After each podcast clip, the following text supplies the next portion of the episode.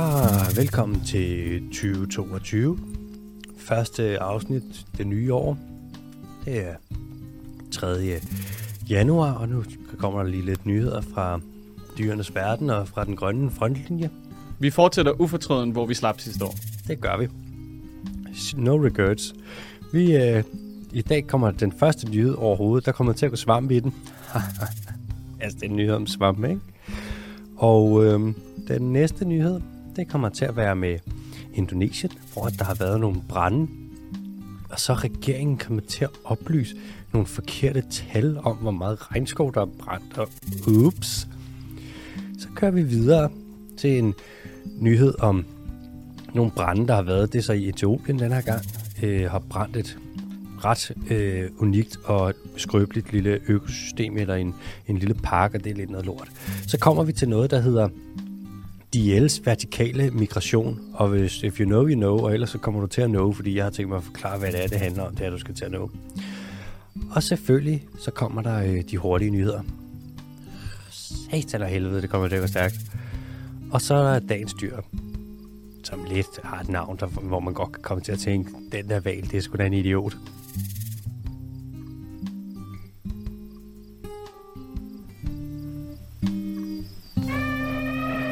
Velkommen til Den Dyrske Teams podcast. Velkommen til 2022. Velkommen til dig, MBK. Velkommen til dig, Alexander. Mm, tak. Et, et godt nytår veloverstået. Ja, yeah, det tror jeg sgu. Vi holdt det jo sammen. Ja, yeah. hold da op. Sikkert over, at der kom fart på den fest. Ja, der var uh, Magnum-flasker. Og Puh. ikke, og ikke flasker med Magnum-is. Mm-hmm. min, min, min lille søster, hun kom i gang ind, dengang jeg var tjener på, der var på Pluto. så øh, uh, en gang kom hun ind med nogle veninder, og så var jeg sådan, kan jeg lige skaffe mig en, en billig flaske Magnum, Magnum Bobler. Noget rigtigt, noget der hedder Le Caprice, noget Åh, nej. blødt fransk, så kommer jeg ned og sådan, man tænker, øh, skal jeg ikke bare have en Magnum-flaske for ingen penge? Så min søster sådan, hmm, Magnum? Det ved jeg ikke, om jeg kan lide. Ej, man må ikke drille folk, der ikke er sommeliers. Må jeg gætte? Ja, Det var Mette Marie. det var det. Det var det. Men de fik den, og de blev rigtig glade, så vidt jeg husker. Ja. Jeg husker det svagt. Jeg var på arbejde på Pluto, så jeg var jo nok fuld. Ja. Øh, jeg håber, du har haft et godt nytår derude. Jeg håber, du stadig har alle dine fingre. I behold. Jeg håber, du har fået både kampagne og kransekage, og at du ikke har fået torsken, fordi at, puh, den har det altså ikke godt nok til, at man skal spise torsk nytårsaften. Hvor kom... Altså, udover at torsken ikke har det særlig fedt lige for tiden Mm. ude i de danske farvand, hvor helvede kom kogt torsk fra som en festmiddagsret? Jeg har spurgt mig selv omkring fire gange. Jeg synes, kogt torsk, det er bare... Hvorfor steger man den ikke? Den kan jo blive så lækker. Hvorfor koger du den? Helt vildt. Generelt kogt, ligesom kogt med dister. Ja. Ad. Ja. Steg det dog. Men det er som om, man gør alt med torsken, du ved, som er ulækkert, men som man har set fungere med andre ting. Du ved, kartoflen, når den er kogt, ikke, så er man sådan her, wow, det er lækkert. Mm-hmm. Så er der torsken, når den er kogt, wow, det er enormt ulækkert. Ja. Og så har man kigget på torsken igen, og så har man tænkt sådan, altså hvis jeg presser en appelsin, så er det enormt lækkert og vitaminrigt. Hvis jeg presser en torsk og laver det til torskelevertræn, mm, det smager helvedes til. Presser en torsk. Man burde kalde det torskejuice. Jamen det er det jo. Det er pisse ulækkert. det er det sgu. Torskekoncentrat, altså. Mm. Det er også grineren at koge det ene år og være sådan, hmm, ikke lige så lækkert, som man, hvis man steger det. Men nu er det jo en tradition. Det, det, det svarer til at juice et løg eller et eller andet. Hvad fanden foregår der? Løgjuice, du. Det skal du passe på. Det kan man blive gravid af. Nå, vi håber i hvert fald, at I nød vores lille, øh, vores lille nytårshilsen. Mm-hmm. Uh, vi glæder os til at uh, påbegynde et uh, nytår sammen med jer, som starter nu. mm, velkommen til. Og så håber vi selvfølgelig også, at I er kommet jer over tømmermændene. For de kan godt være slemme 1. januar. Aus. Puha. Altså, øhm, hvis der er en ting, som øh, 2022 nok kommer til at til fælles med øh, 2021, så er det jo, at der er nyheder fra øh, dyrenes verden. Og de, øh, ja, de rapporterer jo ikke sig selv, så let's fucking have it på ass. Vi starter med svampe. Svampe, det er en gruppe af organismer, som er øh, i deres eget rige. De er hverken i planteriget, i dyreriget, i bakterieriget, i arkæernes rige, og de er, det er heller ikke protister, og det er heller ikke i virusriget. Altså, det er noget helt for sig. Og på trods af, at de ligger helt for sig, så minder svampe alligevel meget om andre organismer på mange forskellige måder. Og svampe er jo enormt mange forskellige ting. Svampe, det er jo alt fra champignoner til muk, til skimmelsvamp, til den øskensvamp, vi har på vores slimhinder, til penicillinsvampe. Det er jo der, man har penicillin fra. Det er fra en svamp, ikke? Altså antibiotika, det er svampe, der laver det. Og der er tænkende slimdyrsvampe, som er som man stadig ikke forstår. Organismer, der bare sådan, det er en svamp, men den kan finde vej i labyrinter, og man, kan, man har fået tænkende slimdyr. Bare gå ind, altså søg på tænkende slimdyr, eller på engelsk hedder det Intelligent Slime Mold. Man har fået det til at lave sådan noget, hvis man har nogle punkter, som du lægger op, og du skal finde den mest logiske rute imellem dem, så kan slimdyret, den kan regne ud, hvad der er den mest logiske rute imellem punkterne, og man har faktisk fået, hvis man tager øh, hvad fanden er det, man har lavet med metrosystemet i Tokyo, som du har fået ingeniører og sådan noget super skarpe mennesker til at finde ud af, hvordan det skal se ud. Du har fået slimdyr til at lave det samme metrosystem, og man fatter ikke, hvordan de gør det, for de har ikke nogen hjerne. Det er også svampe. Karl Johan er også svampe. Altså, svampe er så mange forskellige ting. Og indimellem så glemmer vi lidt, hvor vigtige svampe er i verden omkring os, og hvor vigtige funktioner de har i økosystemerne. Altså tit og ofte, så er svampe, det er bare noget, man går ned, og så finder man det i grøntafdelingen, og så går du hjem og hakker det op og putter det i bolognesen, ikke? Men svampe nedbryder øh, organisk materiale.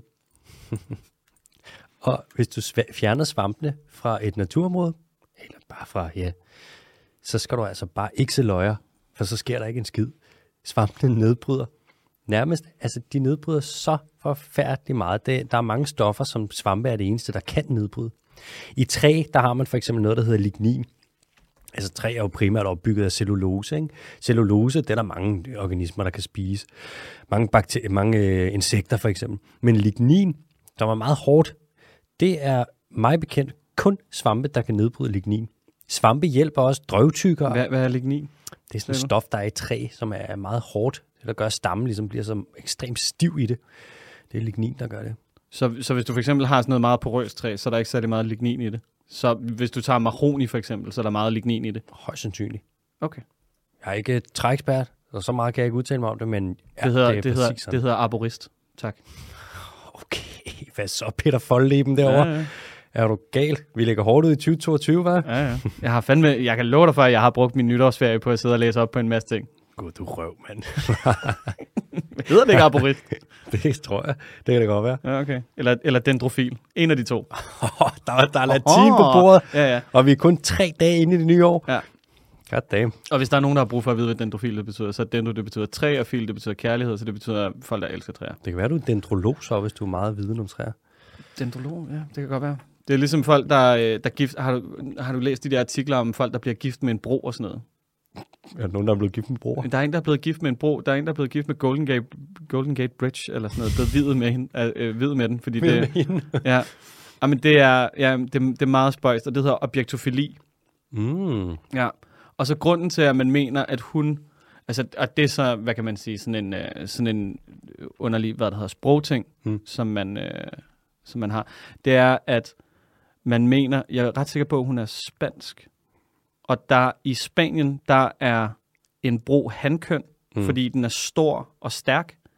Og så er det vist noget med, at på tysk for eksempel, der har, eller også er det omvendt, der har man et meget romantisk billede af broer, der er den, der er den hundkøn, mm. fordi at den, den, den forbinder ting, ligesom, og det er det, man forbinder med det, med det kvindelige køn, Aha, øh, der ja. hvor den er. Mm. Men så er jeg ret sikker på, ja, at hun, hun ser det som et, et hankøn, en hankønsbro. Mm-hmm.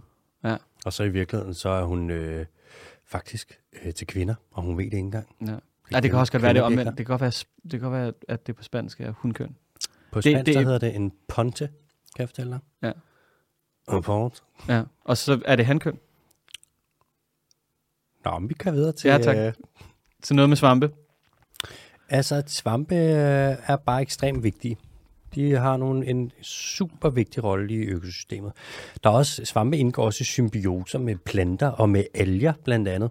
De svampe laver noget, der hedder mykorrhiza, hvor de vikler sig rundt om øh, planters rødder med deres øh, hyfer, kommer vi ind på lige om lidt, og så udveksler de næring med planterne, og mange Øh, træer for eksempel, de klarer sig rigtig dårligt, hvis der ikke er svampe til stede. Egetræer blandt andet. Og mange af de svampe, som man gerne vil spise, som vi også, når man går ud og jager svampe, som er nogle af dem, du helst vil have fingrene i, for eksempel indigo, rørhat og Karl Johan og sådan, det er mykorrhizasvampe, som indgår i symbioser med træer og udveksler næringsstoffer med dem. Det er også derfor, du typisk kan finde dem under egetræer, eller ofte kan finde dem under egetræer. Det er ligesom lav. Lav, det er en, øh, en, en, en, i virkeligheden en, en symbiont. Altså lav, det er en svamp, som har taget en alge til fange, så at sige. Så svampen, den beskytter algen, men så til gengæld så laver algen fotosyntese og giver en lille smule næring til svampen. Så lav, det ikke én organisme. Og en, hvis man har en art af lav, så vil der altid være to arter. Det vil nemlig være en svamp og en alge. Sådan parasitisk. Okay. Det er det det er sådan påtvunget parasitisme, kan man sige, fordi at først vil der være svampen, som kan lande et eller andet sted, og så mm. hvis der kommer en blågrønalje svævende forbi, de er jo ekstremt små, ikke? så kan den lande på den her svamp, og så vil svampen sige, hov, kom lige her nu, så laver den nærmest et fængsel, hvor at algen så gør sin ting og laver fotosyntese, og så svampen til gengæld, så tager den noget af det sukker, som algen så laver. Det er meget spøjs, det her med lav. Det er en underlig symbiont ting. Ja, det skal jeg da lige love for. Svampe kan også blive kæmpestore. De største organismer, vi overhovedet kender til, det er øh, svampe. Der er nogle svamper, der har et mycelium. Det er sådan, forestil jer øh, sådan et, tråd, et trådværk, et tråd i et netværk. Alle de her tråde, de hedder hyfer, som ligesom er bredt ud over et område. Lidt ligesom rødder på en måde. Det er det, som svampen i virkeligheden er. De kan blive kæmpestore. Over i USA har man fundet sådan et, der er strækkes over altså et absurd stort areal, og det er den samme svamp, der bare er kæmpe, kæmpe stor, langt større end en blåval for eksempel, både i vægt og i andre måleting. Ikke? Svampen, den måler, den arbejder sig lidt frem i verden via de her hyfer, som nærmest bare sådan nogle, forestiller sådan en tynd spaghetti. Så har den nogle sanseting ude i enden af den, og så kan den kemoreceptere sig frem i verden, og så vokser den stille og roligt ud, og myceliet bliver større. Og indimellem så tænker den, nu skal jeg sgu til at være mor eller far. Og så er det den ligesom, når den formerer sig, stikker et frugtlæme op. Og de her frugtlæmer, det er det, som vi typisk vil kalde en svamp. En champignon for eksempel, som den ligger i supermarkedet, det er virkelig en frugtlæme. Det er svampens formeringsapparat, ikke? så kommer den op og smider sporer ud. Sammen med kanteraler og så videre. Det er alle sammen bare frugtklemmer. Så det vi i virkeligheden kalder en svamp, det svarer bare lidt til, altså det der frugtklemme, det svarer bare lidt til at pege på et æble på et træ, og så være sådan, det der det er et æbletræ. Så vi tager i virkeligheden fejl, men det er jo en tilgivelig fejl, fordi at, øh, hvorfor skulle vi alle sammen rette rundt med den her slags kundskaber om biologi? Det er virkelig, det er virkelig sådan, det kan virkelig være svært at holde hovedet hale i alle de ting, der foregår.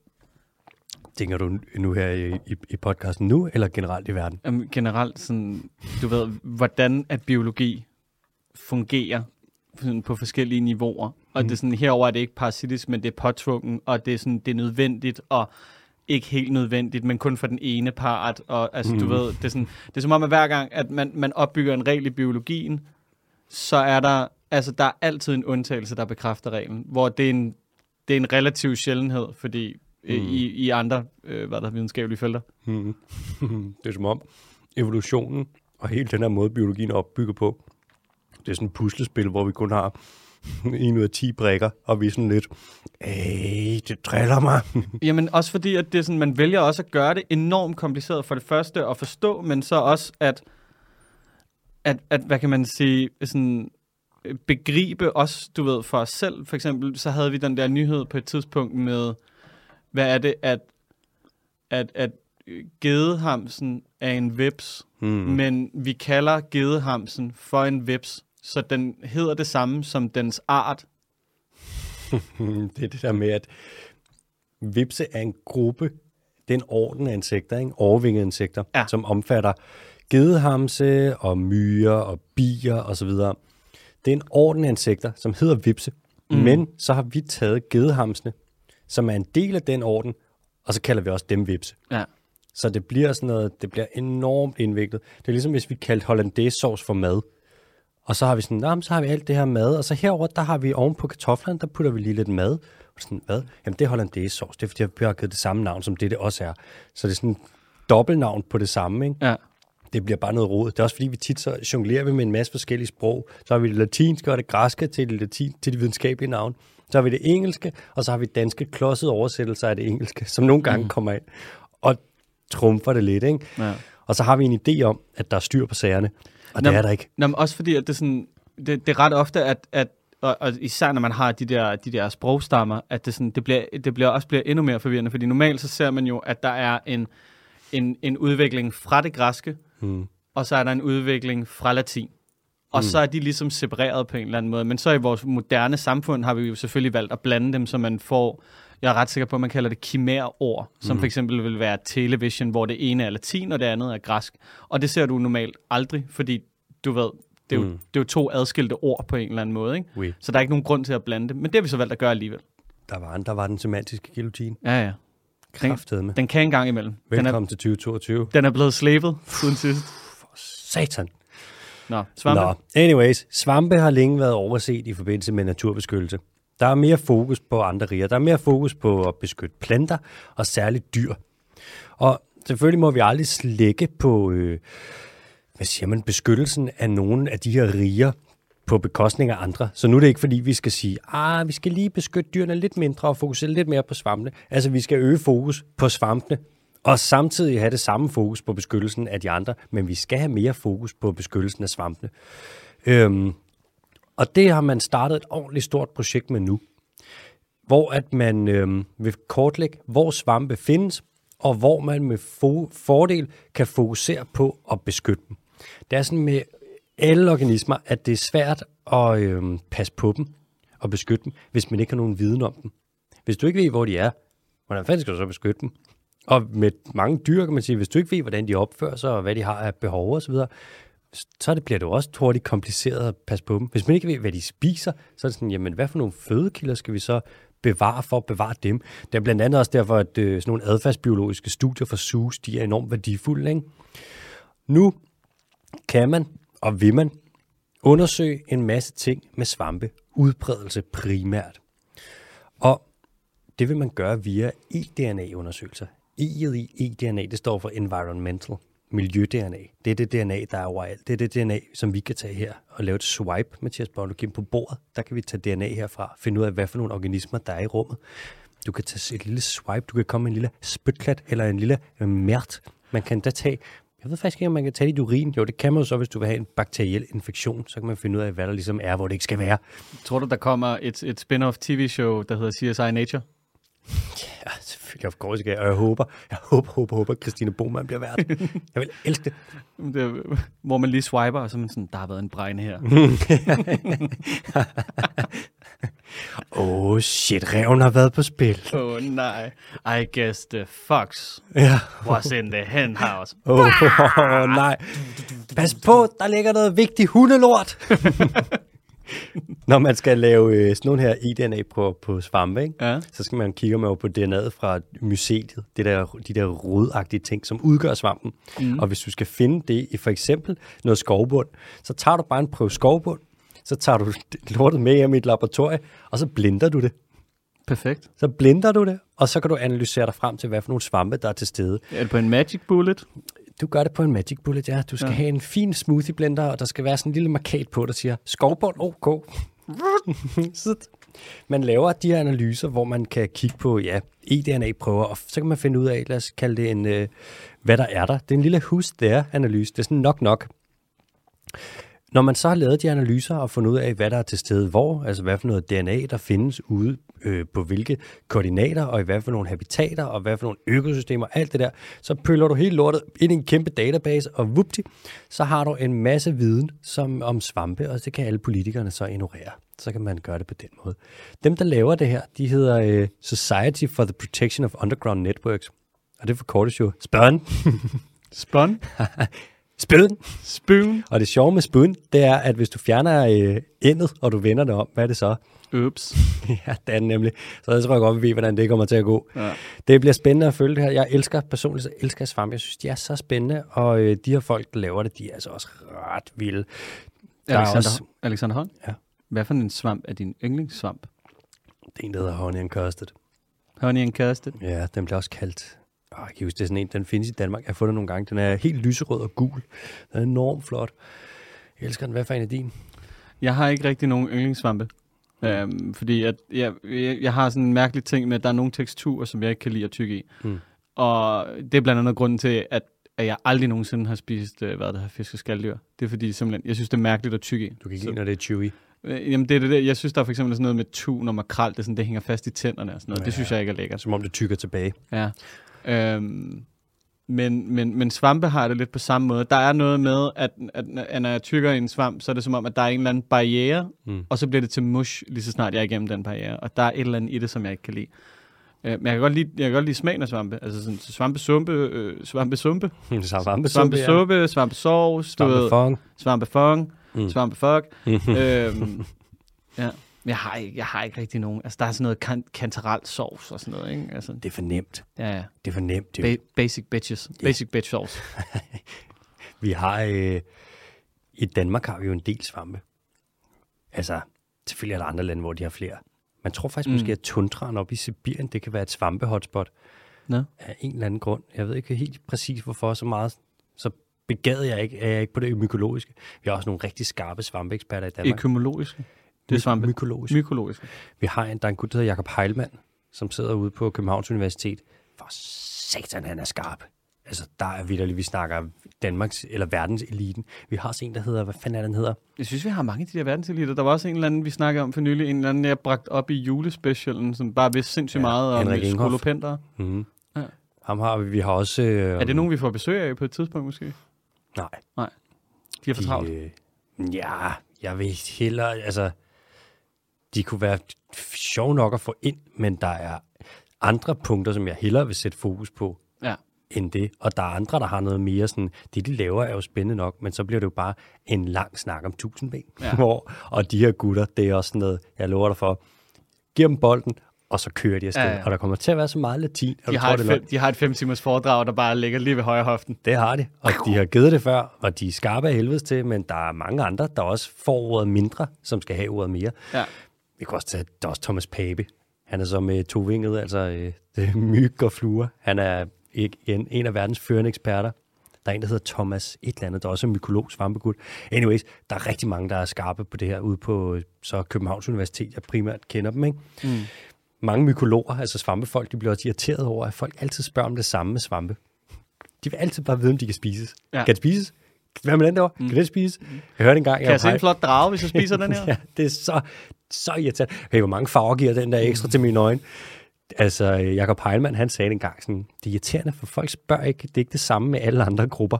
Folk, der kigger på fugle, der er der aldrig sådan noget, hvad med den der? Kan du spise den? Er den god i fong? Og det er det samme med planter. Er der er det heller ikke det samme. Sådan noget. Ja, så har vi jo seks arter af mælkebøt. Ja, hvor mange af dem putte i salaten? Sådan er det kun med svampe, for Ja. folk ved det.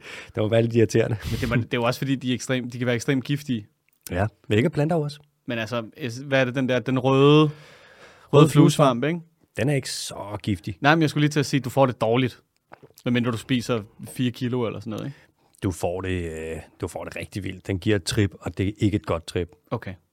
Det er, der er en gut fra Vice. Det, han, Mm. Der var på et tidspunkt, de lavede nogle programmer med en, der tog rundt og prøvede eksperimenterede med sådan noget øh, forskellige psykedelika. Mm.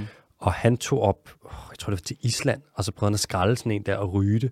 Så vidt jeg ved, så skete der ikke det store, men det trip, som han ligesom havde læst op til, at han skulle få, det er ikke noget, som du, har læser og tænker, det der, Nej. der tænker du ikke sådan noget, wow, det er spændende. Du tænker bare sådan, hvad fuck laver du? Det er ligesom, hvis du spiser et halvt kilo muskatnød, så tripper du balls, men det er et rigtig lortetrip. Det er bare Marits trip.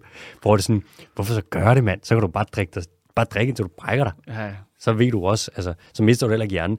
Anyways, vi skal videre. Vi skal til uh, Indonesien. Indonesien ligger over i øh, Sydøstasien. Det er et meget stort land. Øh, et land, der har vanvittigt høj biodiversitet. Og et land, der også bakser med nogle problemer. Der er meget med palmolieplantager, som ligesom, hvor man har en masse af dem, som nogle gange, de bliver nogle gange lavet på bekostning af regnskoven, og også tit lidt på ulovlig vis, og det er ikke så godt. Om end at palmolie så er bedre end mange andre former for olie, for man kan dyrke det på et mindre areal, men det er en helt anden snak. Det kommer der noget om på et tidspunkt. I Indonesien i 2019, der var det meget tørt, og det var meget blæsende, så, øh, og man brændte en masse natur for at lave marker. Og regeringen de meldte så ud, at 1,6 millioner hektar natur var blevet brændt, Men nu viser en ny undersøgelse, der er kommet ud i november, som er lavet af nogle europæiske og kanadiske forskere, at tallet i virkeligheden er dobbelt så højt. Nu har man kigget på, de har kigget på satellitfotos, og de kan se, at i stedet for, at det er 1,6 millioner hektar, der er brændt, så er det 3,11 millioner hektar, der er brændt. Det er altså dobbelt op. En af de forskere, der er involveret i studiet, han blev desuden for, i øvrigt deporteret. Han blev sendt ud af Indonesien, da de øh, ligesom fandt ud af, at de var ved at lave de her undersøgelser. Og de sagde, den indonesiske regering sagde, at det havde ikke noget at gøre med det her. Han blev bare sendt ud af en anden grund. Og det er jo ikke unormalt, at man rammer lidt ved siden af, hvis man skal vurdere, hvor store områder, der er brændt i et helt land. Altså man kan jo godt ramme ved siden af med et par tusind øh, hektar hister her, ikke? Men når vi snakker et område på mere end halvanden million hektar, altså vi snakker et område, der er på størrelse med halvdelen af Belgien, hvordan fanden rammer man så ved siden af, og hvorfor rammer man ved siden af? Øh, det gør man jo typisk, hvis man gerne vil. Man er kommet til at kigge på regnestykket og været sådan, øps, det kan godt være, at jeg lige kommer til at regne en lille smule forkert på den her. Indonesien snakker jo meget om, hvor gode de er til at få stoppet skovfældning. Deres præsident kan rigtig godt lide at sige, at øh, raten for skovfældning under hans regeringstid, den har været faldende. Øh, problemet er bare, at det har den ikke. Der har faktisk været en stigning i mængden af regnskov, der er blevet fældet det sidste årti. Det, det, det er da også meget federe at sige. Ja, ja, 100. Og hvis der så er nogen, der kommer og projekte, så bliver de deporteret. Det er heller ikke så pænt i klimaregnskabet, hvis der er store områder med tørv, altså peat, det vi også snakkede om i forbindelse med Kongo, altså det her, øh, der ligger det her organiske materiale, som kan ligge i vand, hvor det bliver omsat meget langsomt, så det er enormt godt til at lære øh, kulstof. Det vil man helst ikke have i brænder, men det er altså brændt nu en masse i øh, Indonesien, fordi at man jo så har påsat branden, og fordi at der har været nogle hvad siger man, nogle klimatiske, eller der har været noget, noget vejr, der ligesom faciliteret, der gik ild i hele lortet. Hvis Indonesien, de profiterer på industri, der øh, ligesom bliver lavet på bekostning af naturen, så er det jo meget nice, hvis de kan gøre det og samtidig fremstå grønne. Fordi så kan man være sådan, okay, det her det er naturskadelige produkter, men vi kan jo se, at Indonesien, der ikke er så meget, der er brændt. De har ikke brændt så meget for at lave det, og de har deres klimatal ser meget godt ud. Så det er egentlig meget godt for dem, hvis de måske har nogle, hvad siger man, nogle tal, der får det til at se lidt pænere ud, end det egentlig er. Så sælger de måske lidt bedre, ikke? Det så, synes jeg, vi ser ret ofte, når der er de her katastrofer og, og øh, hvad kan man sige, sådan, øh, øh hvad der hedder, økonomiske incitamenter, at man regner lidt forkert. Det kan ske. Ja. Altså matematik kan jo godt være svært. Matematik bliver til gengæld rigtig nemt, hvis du får at vide, at du tjener mange penge på og ikke lige hive lomregneren for meget frem. Ja. Nej, men det er sjovt, at man kan sådan, du kan beregne ned til nærmest hver krone og øre, hvor mange penge et givet land vil tjene på at for eksempel bedrive minedrift eller lige fælde lidt regnskov her og der. Mm-hmm. Men du kan ikke, men du kan ikke, altså du kan simpelthen ikke tage, du ved, langside og øh, hvad der hedder bredside og gange op med hinanden for at sige, mm-hmm. hvor meget skov man har fjernet. Nej, det kan jo ikke, det muligt. Altså, det, det er jo fuldstændig, det er jo, det er jo så idiotisk. Men man vil gerne, så man øh, kan godt nedsætte en kommission, som kan kigge på det på et tidspunkt i fremtiden. Nå, det ja, kan man godt, men ja. man kan i hvert fald aftale, at man vil budgettere og lave noget med kommissionen, hvis der er nogen, der frivilligt gerne vil lave noget, der faciliterer det. Ja, eller lad os sige 2070. Gør noget, som, som gør noget. Men vi skal lige have løst de rigtige problemer, før vi kigger på det der, så lad os sige 2080. 2080, og så vil jeg gerne sige CCS, og jeg vil gerne sige pyrolyse, og hold kæft. De her studier, som det her, hvor de kommer frem og siger, vi kigger på satellitfotos, vi kan se, at I kommer til at ramme halvanden million hektar ved siden af. Mm. De er ikke populære. Nej. De, øh, nu det her studie, det er, at den, den indonesiske regering har kommet med kommentar, har krævet, at det bliver trukket tilbage, og de har kommet med kommentar om, at de her folk, de aner ikke, hvad de laver, for de har slet ikke været ude i felten. Og det er både løgn, fordi at det har det jo så ikke. Det var jo været så meget ude i felten, at de måtte deportere en af forskerne bagved, fordi han var for meget ude i felten. Og, men man kan også sige, hvis man skal rende rundt og se det hele med ens egne øjne, altså alle de her skovbrænde, ikke? men fanden går og kigger på 3,11 millioner hektar afkullet skov? Det er der ikke nogen, der gør. Nej. Så det er lidt problematisk, når øh, lande de fusker med deres tal omkring øh, naturskade. Ikke? Og det bliver lidt sværere at lave beregninger på sådan noget med klima og biodiversitet og sådan noget, når de tal, man får kastet i hovedet, de faktisk ikke øh, passer. Ja, og det er også sådan, det er jo også, jeg kunne forestille mig, at hvis man, hvis man virkelig, du ved, havde tænkt sig om, så kunne man jo nok godt regne ud, at det får meget mere spalteplads, hvis de først begynder at deportere folk og øh, bekrige, bekrige sandheden eller rapporterne. Altså, Det er jo ligesom, hvis der var nogen, der lagde så sagen. bare tige det ihjel, hvis du gerne vil, altså, hvis du gerne vil blive ved med at fælde den skov og brænde den af, så hold, så hold din kæft. Og så Ja. bare lad, altså fordi det er jo ikke som om, at folk de slår op, øh, hvad der hedder, på Google Scholar for at søge på, kan vide, om der er nogen, der lyver et eller andet sted. Altså, der er jo nødt til at, der er nødt til at være en eller anden konflikt, der ligesom bliver bygget op, og en historiefortælling, mm-hmm. historiefortælling. Og det er der jo ikke, hvis der ikke er en modpart, Nej. som er fucking idiot. Og det er jo regeringen i den her situation. Mm. Det er sygt dumt. Ja. At lægge sag, hvis man, er så, hvis man går så meget op i noget, så Hvis man du er er så sådan, skråsikker. ja. Og hvis du sådan sådan, det der, du bliver deporteret nu for at finde ud af det der, så, ja. sådan, så har jeg en historie. Lige præcis. Det er dumt. Ja. Så sådan er det. Vi må håbe, at uh, Indonesien de får gang i en rigtig lomregner, men det tror jeg sgu ikke uh, lige, de gør. Bum, bum. Nu er de også lige løftet moratoriumet jo på uh, palmolieplantager, så nu begynder de at bare at fælde skov igen for at lave mere af det. Så Undskyld mig, det. men er alle moratoriumer, er de vedtaget inden for de samme seks måneder? Fordi de seneste, de seneste fire måneder, Hmm. to måneder måske, tre måneder, det kan også godt være det, fordi vi bare har lært et nyt ord, eller vi Mhm. begynder at lægge mærke til det, men de laver jo ikke andet end at hæve moratoriumer i Nej. hele verden. Det er også bare rimelig nemt jo. Ja, Løft dem. ja, ja. Jeg tror, ja. Byg på lærkesletten, fæld noget regnskov, ja. stil noget beton derover, asfalter den der bakke. Men altså, man skal også huske, når man snakker om sådan nogle moratoriumer, ikke? Mm. og natur, og pas på naturen. Du, kan- mange lande har printerproblemer. Det er rigtigt. Der kommer lynhurtigt printerproblemer på banen. Det er jo ikke min fejl. Og må jeg lige spørge dig om en ting? You can ask away. Hvis du skal have papir til din printer, og papiret det er lavet af træ, Mm-hmm. men du ikke må fælde nogen træer, for at få papir til din printer, hvordan fanden forventer du så, at det hele skal gå op? Ja, det er rigtigt. Og oh, jeg har, jeg har faktisk en løsning. Hmm. Vi kan gøre noget andet. Ja. Vi kan begynde at omsætte råolie til plastik, og så kan vi lave overhead. Øh, Oh, den Overhead, er faktisk god, ja. og så kan vi genbruge sådan cirka 9% af det plastik, vi... Øh, Vi skal, producerer. vi skal skynde os lidt så, for der er jo planer om at udfase øh, olie og sådan noget her om øh, 30 år, ikke? Så vi skal lige have lidt fart på med den der. skynd jer at producere noget nu. Køb jeres aktier. Nå, vi skal til øh, Etiopien. Etiopien, det er et land, der er lidt presset for tiden. Det kommer, vi, det kommer lige om lidt. Det er et land, der har en meget lang og meget rig historie. Altså, det er jo på mange måder, så er det jo Etiopien. Det er jo det land, der forbinder Mellemøsten og øh, Afrika. Desuden dengang, at der blev koloniseret, øh, da Afrika blev koloniseret af europæere, der var øh, Etiopien faktisk det eneste land, der ikke blev koloniseret.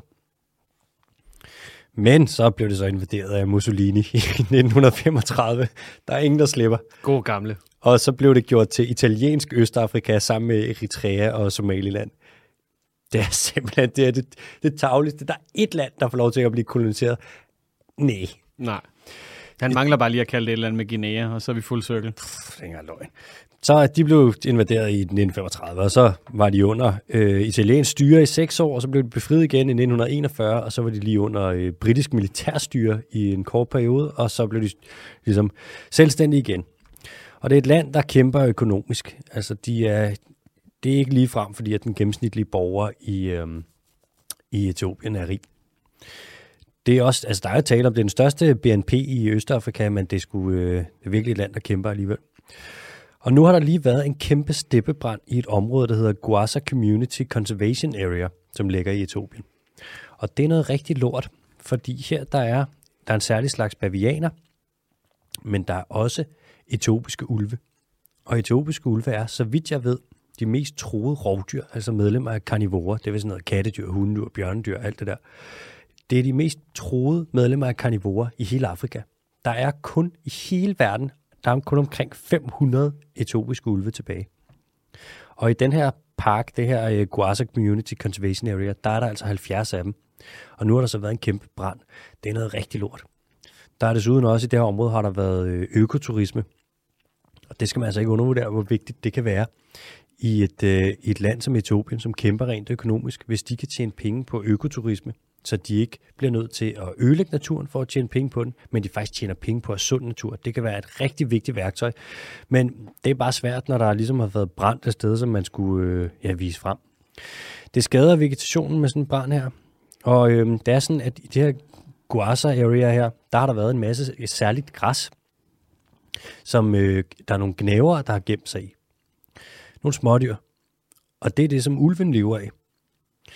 Og nu når græsset det, græsset det er brændt, nu når græsset det er grænt, så er de her gnæver, de er jo så lidt, de kan ikke rigtig gemme sig, de har mistet deres fødekilde, så vil de jo dø.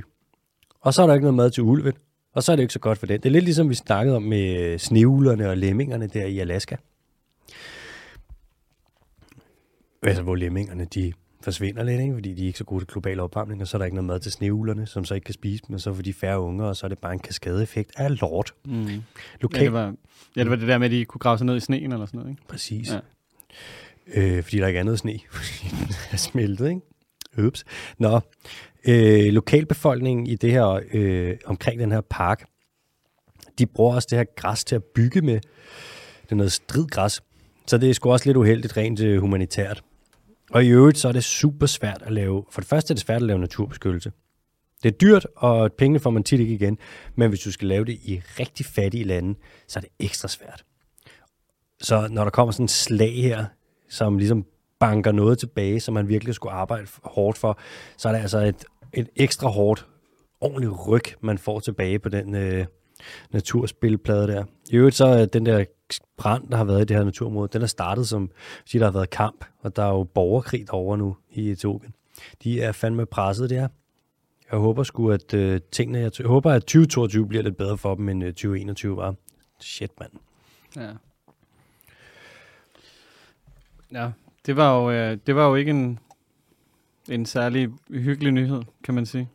Det var lidt sådan en lusing og en mavepuster.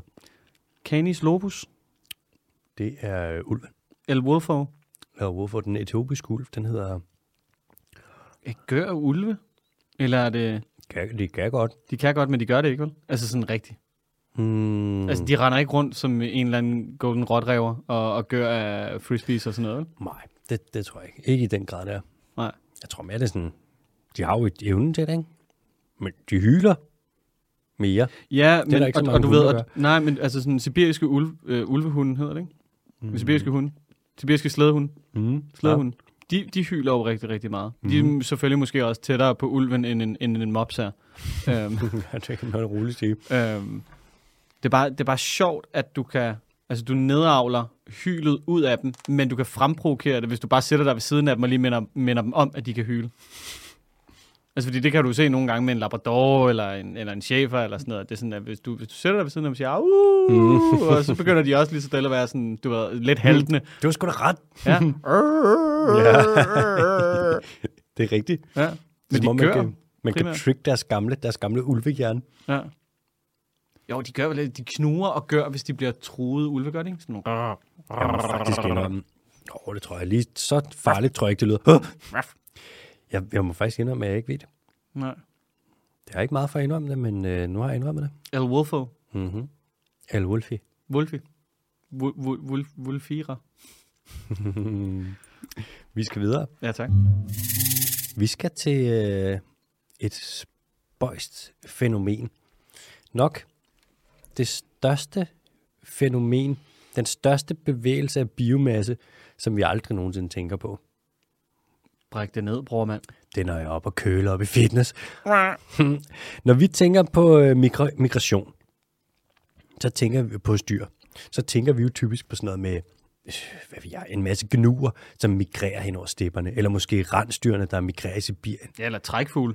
eller trækfugle, der migrerer sydpå om, om sommeren eller, øh, eller om vinteren, og nordpå om sommeren. Og Ja, ja. vi tænker på alle sådan nogle, alle de her migrationer, måske valer, som migrerer på tværs af havet. Alle de her migrationer, vi tænker på, de ligger jo i det øh, horisontale plan. Det er så at sige læg ned, ikke? De bevæger sig hen over jorden på en eller anden måde. Men der er altså også vertikal migration. Det er nemlig sådan, at hver eneste nat, så kommer der alle mulige organismer fra dybhavet og op til det, den del af havet, eller også i søer og i alle de her marine og alle vandmiljøerne. Der kommer der dyr fra dybet og op til overfladen om natten. Det er alt fra små alger til store hajer. Ikke? De laver en vertikal øh, migration. Det finder sted hver eneste, ja, hver eneste dag, hver eneste døgn. Det er den største synkrone migration, der findes på hele jorden. De bevæger sig jo så væk fra solen. Ikke? Den side af jorden, som, hvor det ligesom er nat, som vender væk fra solen, det er der, hvor de trækker op til overfladen. Og når den så vender rundt igen, jordkloden og kommer over, når solen ligesom er sådan ned på vandet, så vil de så trække ned i dybet et eller andet. Ikke? Noget med noget geometri og noget hold kæft. De trækker væk fra solen og op mod månen. Lad os bare sige det sådan. Øh, hvis man ser jo ikke den her migration, fordi vi ligger jo ikke og kigger ned i vandsøjlen på den måde. Og man opdagede den faktisk ikke før øh, for 200 år siden. Der var der en gut, der hed øh, Georges Cuvier, som opdagede, at Daphnia, de forsvandt om natten. Han må fandme have haft slem søvnløshed, den mand. Daphne? Ja, det er sådan nogle små øh, organismer. Det er sådan nogle små, hvad fanden det er, en slags sugeplankton. Det er ikke krabstyr, tror jeg. Daphnia, det er sådan nogle små partenogenetiske små lømler, der findes i ferskvand. Det er så fedt, når man stiller dig et spørgsmål, og så prøver du at forklare, hvad det er, og så bruger du tre andre ord, jeg ikke fatter en skid af. Par, paragygone, Partenogenetiske. paragonogonegativet. Hunderne kan lave øh, jomfrufødsel. Okay. Daphnia, fuck det, det tager vi på et andet tidspunkt. Ja. Det, zooplankton, det er noget, det er en hel verden for sig. Ja, Det er, bare, det er bare for at sige, sådan, at det er, sådan, det er ikke en torsk. Nej, det er et lille, lille dyr, vi snakker et par millimeter, Ja. som bare pølser rundt, svømmer, og den er sådan lidt grim, og så er der rigtig mange andre dyr, der spiser den. Mm. Anyways, de forsvinder så om natten fra vandsøjlen, eller fra den øverste del af vandlagene. Og så opdagede man under 2. verdenskrig, så øh, var der noget, som man fandt ud af. Nogle gange, på nogle tidspunkter af døgnet, så kunne man ikke sende sonarsignaler ordentligt. Så øh, der kaldte man det the deep scattering layer, som nogle gange kom. Så kunne du se, sådan, hvis en ubåd sendte et signal, så kunne det nogle gange bare ikke nå igennem vandet af en eller anden grund. Og så er det så, man undersøgte og fandt ud af, at der er det her lag af organismer, som bevæger sig fra dybhavet og op til overfladen. De bevæger sig op og ned i vandsøjlen. Man kalder det DL, vertikal migration. Og hvordan ved organismerne så, at det er tid til at komme op eller ned? Altså hvis det for eksempel er ved polerne, the poles, hvor der kan være øh, sollys døgnet rundt, hvordan ved de så, det er nat? Og øh, det har man fundet ud af, at de ved, fordi de ikke bruger øh, solens lys, men de bruger månens lys. Og det er jo lidt en snyder, fordi at øh, månens lys, det er jo også solens lys, ikke? Det er bare genbrug. Altså, kan de, være, kan de mærke det ved en slags tidevand, eller hvad? Ish. De kan mærke det på, øh, de kan registrere lyset fra månen, hvor det er hen. Og så ved de, når det er nat, så står månen så et eller andet sted, ikke? Okay. Jeg tænker måske bare, det kunne være et eller andet magnetisk, fordi alt, der har en masse, har jo et, et, en, et tyngdefelt på en eller anden måde. Ved du hvad, det kan også sagtens være. Det skulle fandme ikke komme bag på mig. Altså, fordi det var jo det, vi snakkede om med det kvantefysiologiske, Mhm. der var inde i... Øh, I fuglenes øjne, ja. ja. ja. Det kan sagtens være, når det kommer til sådan noget, man kalder det magnetoreception. Der bliver det med det samme sådan noget, hvor at man kan sige, det er nok det, men man har ikke bevist nok til at være sikker. Men Nej. det skulle fandme ikke undre mig, om det var det. Nå, okay. Du hørte det her først. Ja. Hvis det er det, så vil vi gerne nu, Videnskab direkte fra hoften. direkte from the hip, så vil vi gerne allerede nu coine det. Det skal hedde MBKAH, Kraften. MBK, MB, MBKAH. MBKAH migration, MBK. MBKI. Ja, nå, fedt. De fleste organismer, de vil jo ikke spises. Det er jo derfor, at de gemmer sig væk nede i dybhavet øh, hver eneste dag. Ikke? Så kan de ligesom være nede i mørket og gemme sig lidt. Der er nogle organismer, der gerne vil spises, men det er en anden snak. Der er, jo nogle, der er også nogle, der er nogle blæksprutter, der viser nu, i forhold til den her migration, at hvis der er delfiner i vandet, så selv hvis månelyset er der, og det er sådan, ja, nu er det nat, nu kan du bare komme op, så er de sådan, ah, vi venter lige. Så, så migrerer de 40 minutter senere. Lidt ligesom at snuse, bare fordi der er fare på færre. Og det, man har også undersøgt det, og dyr, der er mætte, de migrerer ikke. Nå, Når man skal undersøge det, så fanger du bare dyr, og så flinser du dem, og så kigger du bare, om de har fuld mave. Så er man sådan, ja, den er fuld, den er mæt. Så kan man- ikke. Ja, så kan man se, det tyder nok også på, at de i høj grad migrerer op for at få noget at spise. Ikke? Og alt i alt, så er det det her DL, Vertical Migration, det er slet ikke noget, vi forstår til fulde. Det, og det er noget, vi forsker løs i. Og det er jo interessant, fordi vi tracker jo det, vi tracker. Det er jo biomasse, det er jo i virkeligheden kulstof. Og man kan også sige, at der er mange af de organismer, der kommer op til overfladen af havet. Så æder de, får en masse kulstof ind, en masse næring, spiser en masse plankton og krill og hvad ved jeg, og så trækker de det med ned på dybhavet. Så på et eller andet punkt, så minder det jo lidt om sådan noget øh, carbon capture storage. Altså, vi har jo i virkeligheden nogen, mm. der tager kulstof og får det længere ned på dybere, længere ned på dybere. Det vil man rigtig gerne, ikke? Så vi forsker i det her for, ja, så det er i virkeligheden det, vi også på en måde prøver at forstå, ikke? Og så også bare den største migration, der overhovedet findes på hele jordens overflade, og det sker hver eneste dag. AH. Ho! Nå, vi skal til de hurtige. Quick news. De kommer til at rigtig stærkt i dag. Du har ikke nogen, eller hvad? Jo, jo, jeg har lidt. Nå, Der okay. er altid lidt. Skyd. Der er altid sket noget. Øh, man har fundet ud af, at øh, vilde heste og øh, vilde æsler, de graver brønde med øh, klovene. De kan grave flere meter ned, hvis de er ude i tørt område. Så står de bare og sparker ved sand og jord og alt muligt lort væk, indtil der kommer vand. Og så laver de en brønd, en oase, og så vil det jo tiltrække andre dyr, der kommer over og drikker. Så på en eller anden måde, så udfylder de en ganske unik økosystemfunktion. Så kan man kalde dem keystone species lige der, hvis man har lyst. Næste nyhed. Øh, Lea Wermelin, vores miljøminister, hun øh, skulle vælge en ny formand for noget, der hedder Skovrådet, som er det råd, der rådgiver Miljøministeriet om, hvordan vi skal gøre med de danske skove og passe på dem. Og hun har valgt en gut til formand, som kommer fra Ørsted. Ørsted, der jo er kendt for at hive næsten udelukkende træ ind fra de baltiske lande og fra Sydamerika og fra Nordamerika og bare specialisere sig i at brænde gamle, fine skove af, for at vi kan få varme, og så kalder de alt grønt og bæredygtigt. Og øh, ja, det er nu en gut, der kommer direkte derfra, som også, han har ovenikøbet også en fortid fra træindustrien. Han skal nu være formand for det råd, der skal vejlede Miljøministeriet om, hvordan vi passer på de danske skove. Specialist i at smadre skov, der skal snakke, lære Miljøministeren om, hvordan vi gør præcis det modsatte. Det virker jo rigtig, rigtig solidt. Så er der en stærk læge Wermelin. Du kunne ikke, hvis bare der var nogen biologer, du kunne have valgt i stedet for. Ej, der er der bare overhovedet ikke. Der findes ikke nogen biologer. Dumme naturtalibanere. Vi skal til næste hurtige nyhed. Op på migration, så er der blevet sat rekord i den længste rejse mål for et marint vivldyr, altså et dyr med en ryggrad, det vil sige padder, pattedyr, krybdyr og fugle og fisk. Det er en gråval, og den har svømmet 26.876 km, der har den migreret. Det er endnu længere, end du løber, når du er ude og løbe dig en tur MBK. Det kan jeg godt sige dig. Mm, tæt på. Okay. I øh, Guatemala, der er der en gruppe af rangers, der hedder Genesis. Og de er fucking savage, mand. Det er sådan super ranger, veteran ranger, som kører rundt på ATV'er op i Maya-junglen der, som ligger helt op i den nordlige Guatemala, op ved Mexico. Der kører de rundt, og så holder de øje med altså, narkosmuglere og krybskytter og folk, der fælder skoven ulovligt. Og de er savage, altså de kører rundt med skudsikker vest på.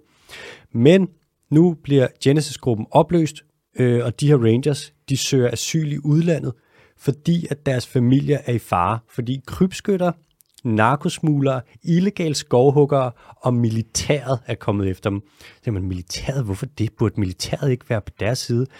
Og der har været en lille sag, hvor de her rangers, de her Genesis, de har været op og skulle lave noget, nogle øvelser sammen med militæret, og så har de taget militæret i at gå ind og lave krybskytteri inde i skoven i et naturområde. Så har Genesis sagt, hvad fanden laver de? De to mere styrede en stor hugo, en kæmpe stor sort fugl, der er ret truet.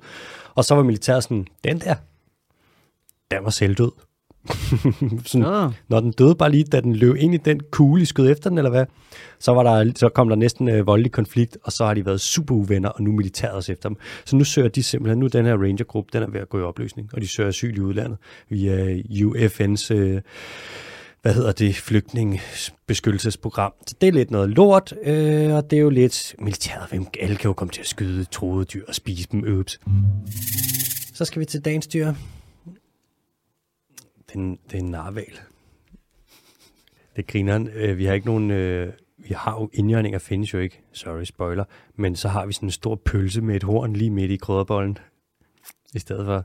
I gamle dage, der tog man jo narvalshorn, og så solgte du dem jo som indjørninghorn. Seriøst? Ja. Det lyder som noget, man godt kunne have gjort i Nordkorea. ja, det tror jeg stadig, de gør.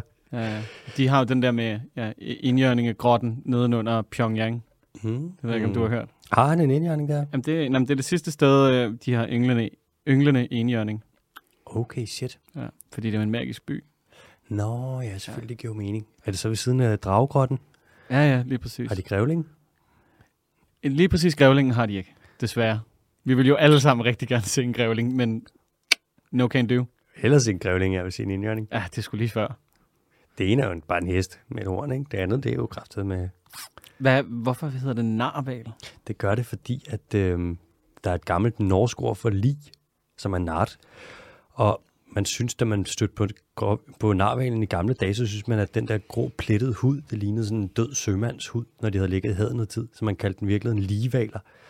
Nå. Det er derfor, de hedder det. Narwhal. Det er også grineren, at det er jo en af dens fortænder, som er vokset ud igennem dens ansigt og er blevet til et stødtand. Det svarer til, at en af dine fortænder bare begyndt at galopere direkte ud Men af næsen jo- på dig. Men så er det jo en knogle. Øh, nej, det er en tand. Men Tænder er der også. Er de? Tænder er noget andet. Tænder, de bliver lavet af nogle særlige celler, som laver sådan noget... Åh, hvad fanden er det, de der celler hedder? Det har vi været inde på før. Det er også dem, der laver øh, huden hos øh, rokker og hajer. Tænder er opbygget på noget andet. Tænder er ikke lavet af øh, Nå, okay. kollagen, ligesom knogler. Men det er en anden snak. Der er også emalje udover, som der er også nogle særlige celler, der laver. Ej, hvad griner, at den bare har, du ved, en tand, der er stukket afsted, og nu sidder den ud af næsen. Er det ikke fucked? Det er virkelig, virkelig, virkelig, virkelig mærkeligt. Det er så fucked. Nogle gange så, bliver, så drukner narvaler, fordi de bliver fanget ind under isen. Og de bliver også spist af spækhugger. Og så synes jeg også bare, det er fedt med et fabeldyr, som rent faktisk findes. Og det var bare alt for i dag. Der er ikke mere herfra. Det ser ud som om, de har et rigtig, rigtig fint, øh, fint øh, fyrfad. Nej, ikke lys, nej. Fint lys. Er det ikke det, det hedder? De har et er kalenderlys. Kalenderlys ude på, ude på næsen. De har et fint kalenderlys i ansigtet. De minder jo enormt meget om mennesker på en eller anden måde. Altså, der er, sådan, der er ret mange overlap, sådan noget med, hvornår de bliver seksuelt aktive, og vægten. er du gal? Er det dem, man... Er det, øh, hvor fanger man dem hen? Arktis, Arktis? Okay. Rusland og øh, Canada og Alaska sikkert også. Det er hele vejen op, bare nordpå du. Og må jeg spørge om noget øh, valrelateret? Kom. Okay, så valfangst i gamle dage, Mm. der, brug, der, der gjorde man af flere grunde, eller hvad? Så der var noget med, du ved, mad. Hvor, hvor gamle dage snakker vi nu? Sådan før 100, et par hundrede år siden? Og man bruger det til, øh, til brændsel. Ja, man tager alt spækket, alt fedtet. Ja, og koger det ned, eller koger det op. Bruger du til øh, brændsel, man brugte det til stearinlys, man brugte det til alle mulige ting. Ja. Spiste dem også, men den mængde valer, man har fanget tilbage, da valfangsten den peakede for, hvad er det, lidt under 100 år siden, ikke? Ja. Det kan du ikke spise.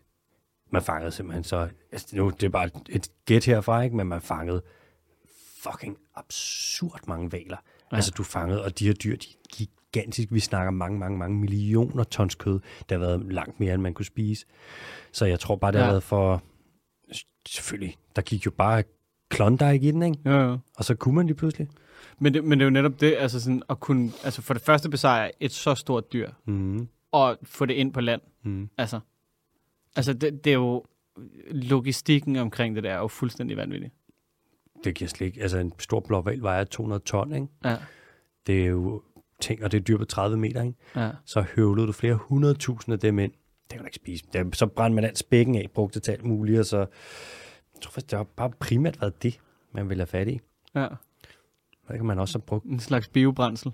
Ja, det har det jo været. Ja. Altså, så brugte man jo alle mulige andre dele fra... Så brugte du det der spermaceti-organ, der sidder i Mm. hovedet på kaskelotterne, Ja. som er sådan en ordentlig fedtklump med noget helt særligt fedt. Det brugte man også til et eller andet fugt, jeg kan huske. Og så har man selvfølgelig taget en masse, Mm. I været på jagt efter ambra. Det der røvharpixel Jeg lort, skulle, ikke? jeg skulle lige til at spørge, om der ikke var en eller anden type lort forbundet Ja, ja, med en blåval, man kunne omsætte til noget velduftende. det der forstoppelses røv, røv harpiks der, det har man jo helt sikkert også været, det har været guld at finde det. Ej, prøv at se, den her, den er forstoppelse. Vi tager det her lort og laver cocktails og parfume. Chanel, here we come. Det har jo også været en del af det. Altså, jeg tænker jo, om, om det ikke kunne være et lille skud til, til, til, til den tidligere Ørsted-medarbejder at finde et eller andet, der ikke er særlig meget af, men så til gengæld drive lidt rovdrift på det og omsætte det til noget el. Det er han i gang med, du. Ja, det er fedt. Det er Estlands skov. De er ved at blive fældet, og de siger, at det er bare, nej, nej, men alt det her biobrændsel, det er bare restprodukt. Men man er sådan, hvad er så primærproduktet? Nej, er det fordi, du bruger bar- altså, så er det fordi, du fælder alle træerne for at bruge det til bakflis, og så resten af det, det, det er til årsprodukt, eller hvad? Det er Det svarer, det svarer jo til at kalde en, øh, en øh, hvad det hedder, et stykke øh, hvad det hedder, oksekød for et restprodukt, fordi du gerne vil have nogle lækre lædersko. Det giver jo ikke nogen mening. Hold nu kæft. Man skal altid være på vagt, når der bliver sagt restprodukt. Ja. For hvad fanden betyder det egentlig, ikke? Men det er jo ligesom, når man har fisket øh, hvad der hedder, støren op over det hele. Mm. Altså det, for, for, for, for kaviar. Mm. Og det er sådan, spis din kaviar, altså, men, men det er bare ikke, det er ikke særlig fedt. Altså, det, det synes jeg bare, folk skal vide. 100. Og så er restproduktet af støren, altså du klipper det jo bare i stykker, og så laver du det om til kattemad. Det er jo fuldstændig vanvittigt. Altså. Det er helt skørt. Ja. Det er helt skørt.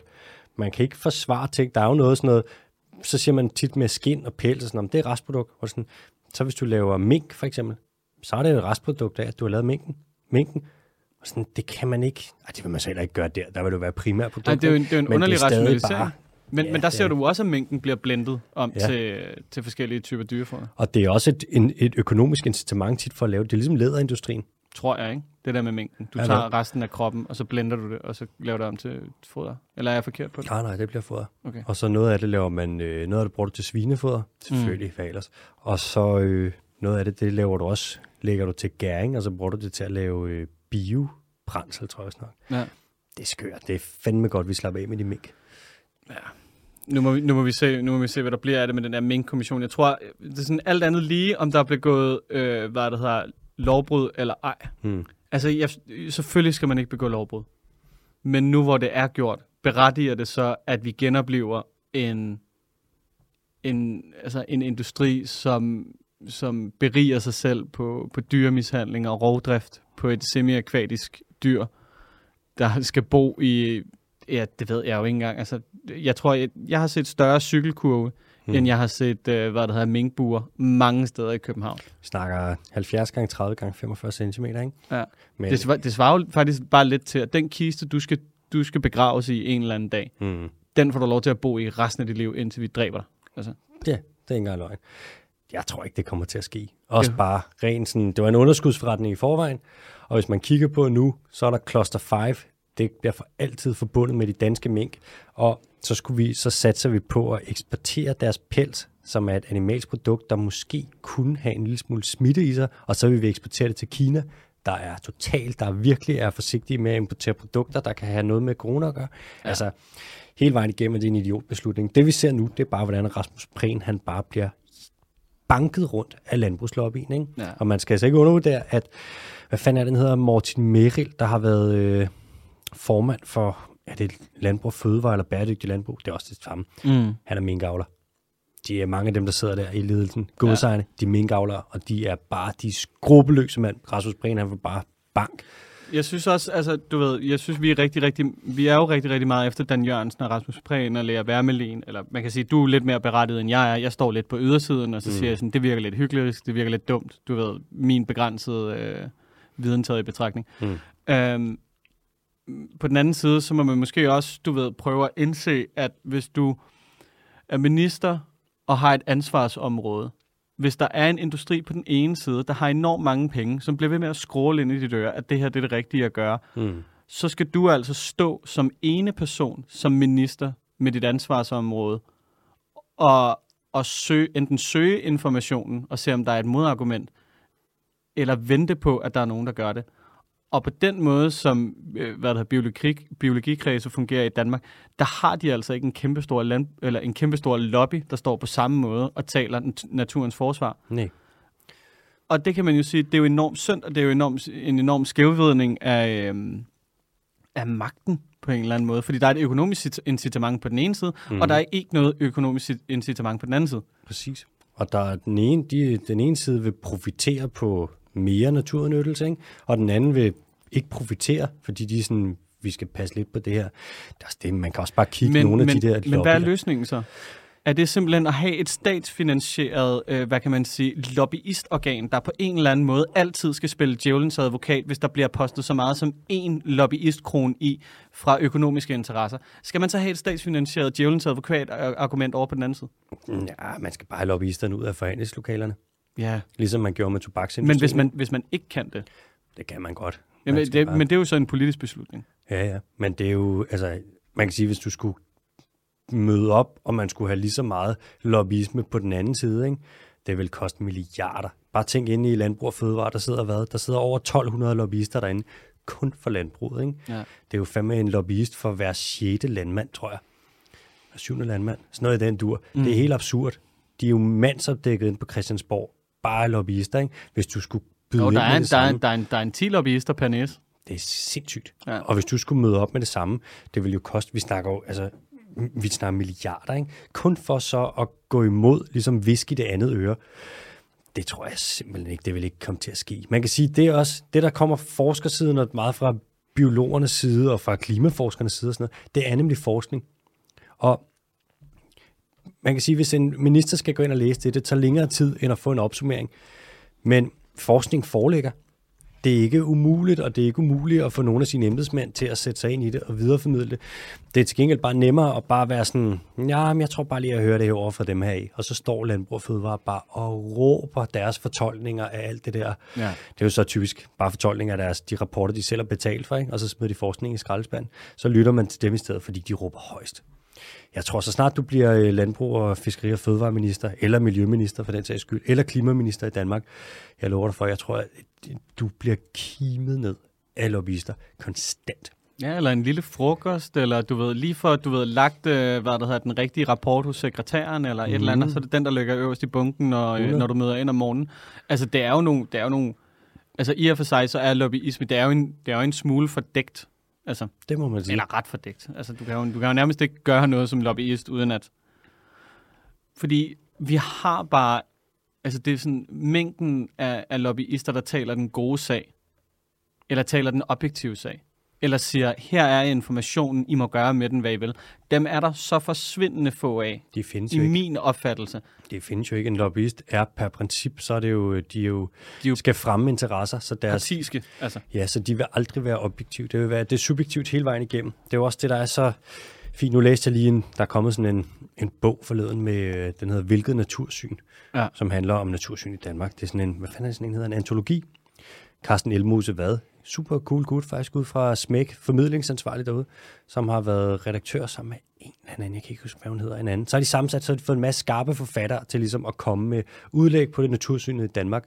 Og der har han øh, et af kapitlerne, det skrevet af Rasmus Ejernes, Mm. god biolog, pissehammerende skarp mand, øhm, som kommer ind på i hans kapitel, hvordan en forskers rolle, det vil altid være at forholde sig objektivt og dele fakta, og lade være med at gå for aktivt ind i debatten med noget sådan et eller andet, som man bare tænker, det er det her, jeg skal pushe igennem. Ja. Og det er også det, vi ser. Der er en masse forskere, der sidder i Danmark og siger ting, hvor sådan, man skal ikke lede særlig længe for at finde ud af, hvad det er, de ligesom vil frem med. Igen Rasmus Ejernes eller Hans Henrik Broen for eksempel. Mm. Skarpt, det hele foreligger, men de råber bare ikke særlig højt, fordi at det ikke det, en forsker skal. Og så er det jo så, at de, det, det kan ikke stille noget op mod lobbyisterne. Jeg, jeg synes bare... Øhm, jeg, synes, jeg synes bare, det er ærgerligt, fordi man ser det jo, du ser det jo i andre felter, Mm. hvor at, øh, hvad det hedder, jeg er ret sikker på, det var Asser H. Thomsen, som Ja, var inde og ja. besøge Her går det godt, som er retsmediciner Mm. øh, ved øh, Aarhus Universitet. Øh, og jeg tror også, vi kan spørge Jonathan om det, Jobbertrops, mm. vores, øh, vores gode kammerat. Shout, drop, drops. Når du bliver uddannet læge, Mm. mm. så har du et turnussystem. Det betyder, at du skal bidrage til den stat, der ligesom har uddannet dig. Plus, at du har også et formidlingsansvar, så vidt jeg kan forstå. Check. Så det vil sige, at hvis du, hvis du, hvis du bedriver forskning, så skal mm. du give det videre. Ja. Og, det, altså, og nu havde vi, øh, var det Michael Borgård inde, mm. hvor jeg Mhm. spurgte ham, øh, du ved, off-podcast, har I, øh, hvad man vil kalde i gåsøjne, et formidlingsansvar? Mm. Og det har, det har man ikke som forsker, så du ved, gængs biologiforsker. Og det er måske... Publicere, ikke? Det er jo det. Ja, de skal bare publicere. Mm. Men det er måske problematisk, at der ikke er noget, hvad kan man sige, indbygget, øh, hvad der har boldværk, der ligesom skal prøve at, at forstærke, øh, hvad der hedder, formidlingen af, af den her forskning. Fordi det kunne være, at det kunne hjælpe politikerne på en eller anden måde med at træffe de rigtige beslutninger. For eksempel, at at de stiller sig jo nok til rådighed, men at man vidste, at man kan altid gå til en biolog og ligesom sige, hey, når øh, hvad der hedder, Axel Borg sender den her pjece over, mm. hvor meget af det er bullshit, og hvor meget passer. Og så vil der måske være 80% der er bullshit, og 20% som passer. Eller et eller andet i den stil. Det er der, altså, vi... der er ikke de her faktatchecking-systemer, eller der er en formidlingspligt på en eller anden måde. Mm-hmm. Det er der, vi kommer ind i billedet, jo. Ja. Mathias Born, okay. ja, det er jo det, vi gerne vil prøve at facilitere, men altså, det er bare som om, at, at det er lige meget, hvad vi gør. Indtil videre i hvert fald. Så øh, synes Dan Jørgensen bare lidt, vi er nogle idioter, der gerne vil have nogle klimafrikadeller og nogle, nogle pastinak i, så jeg ved fandme ikke. Bare vent. 2022, det bliver heller ved jer. Ja, der er meget på bedring. I skal glæde jer. Det kommer. Tak fordi I lytter med. Adios.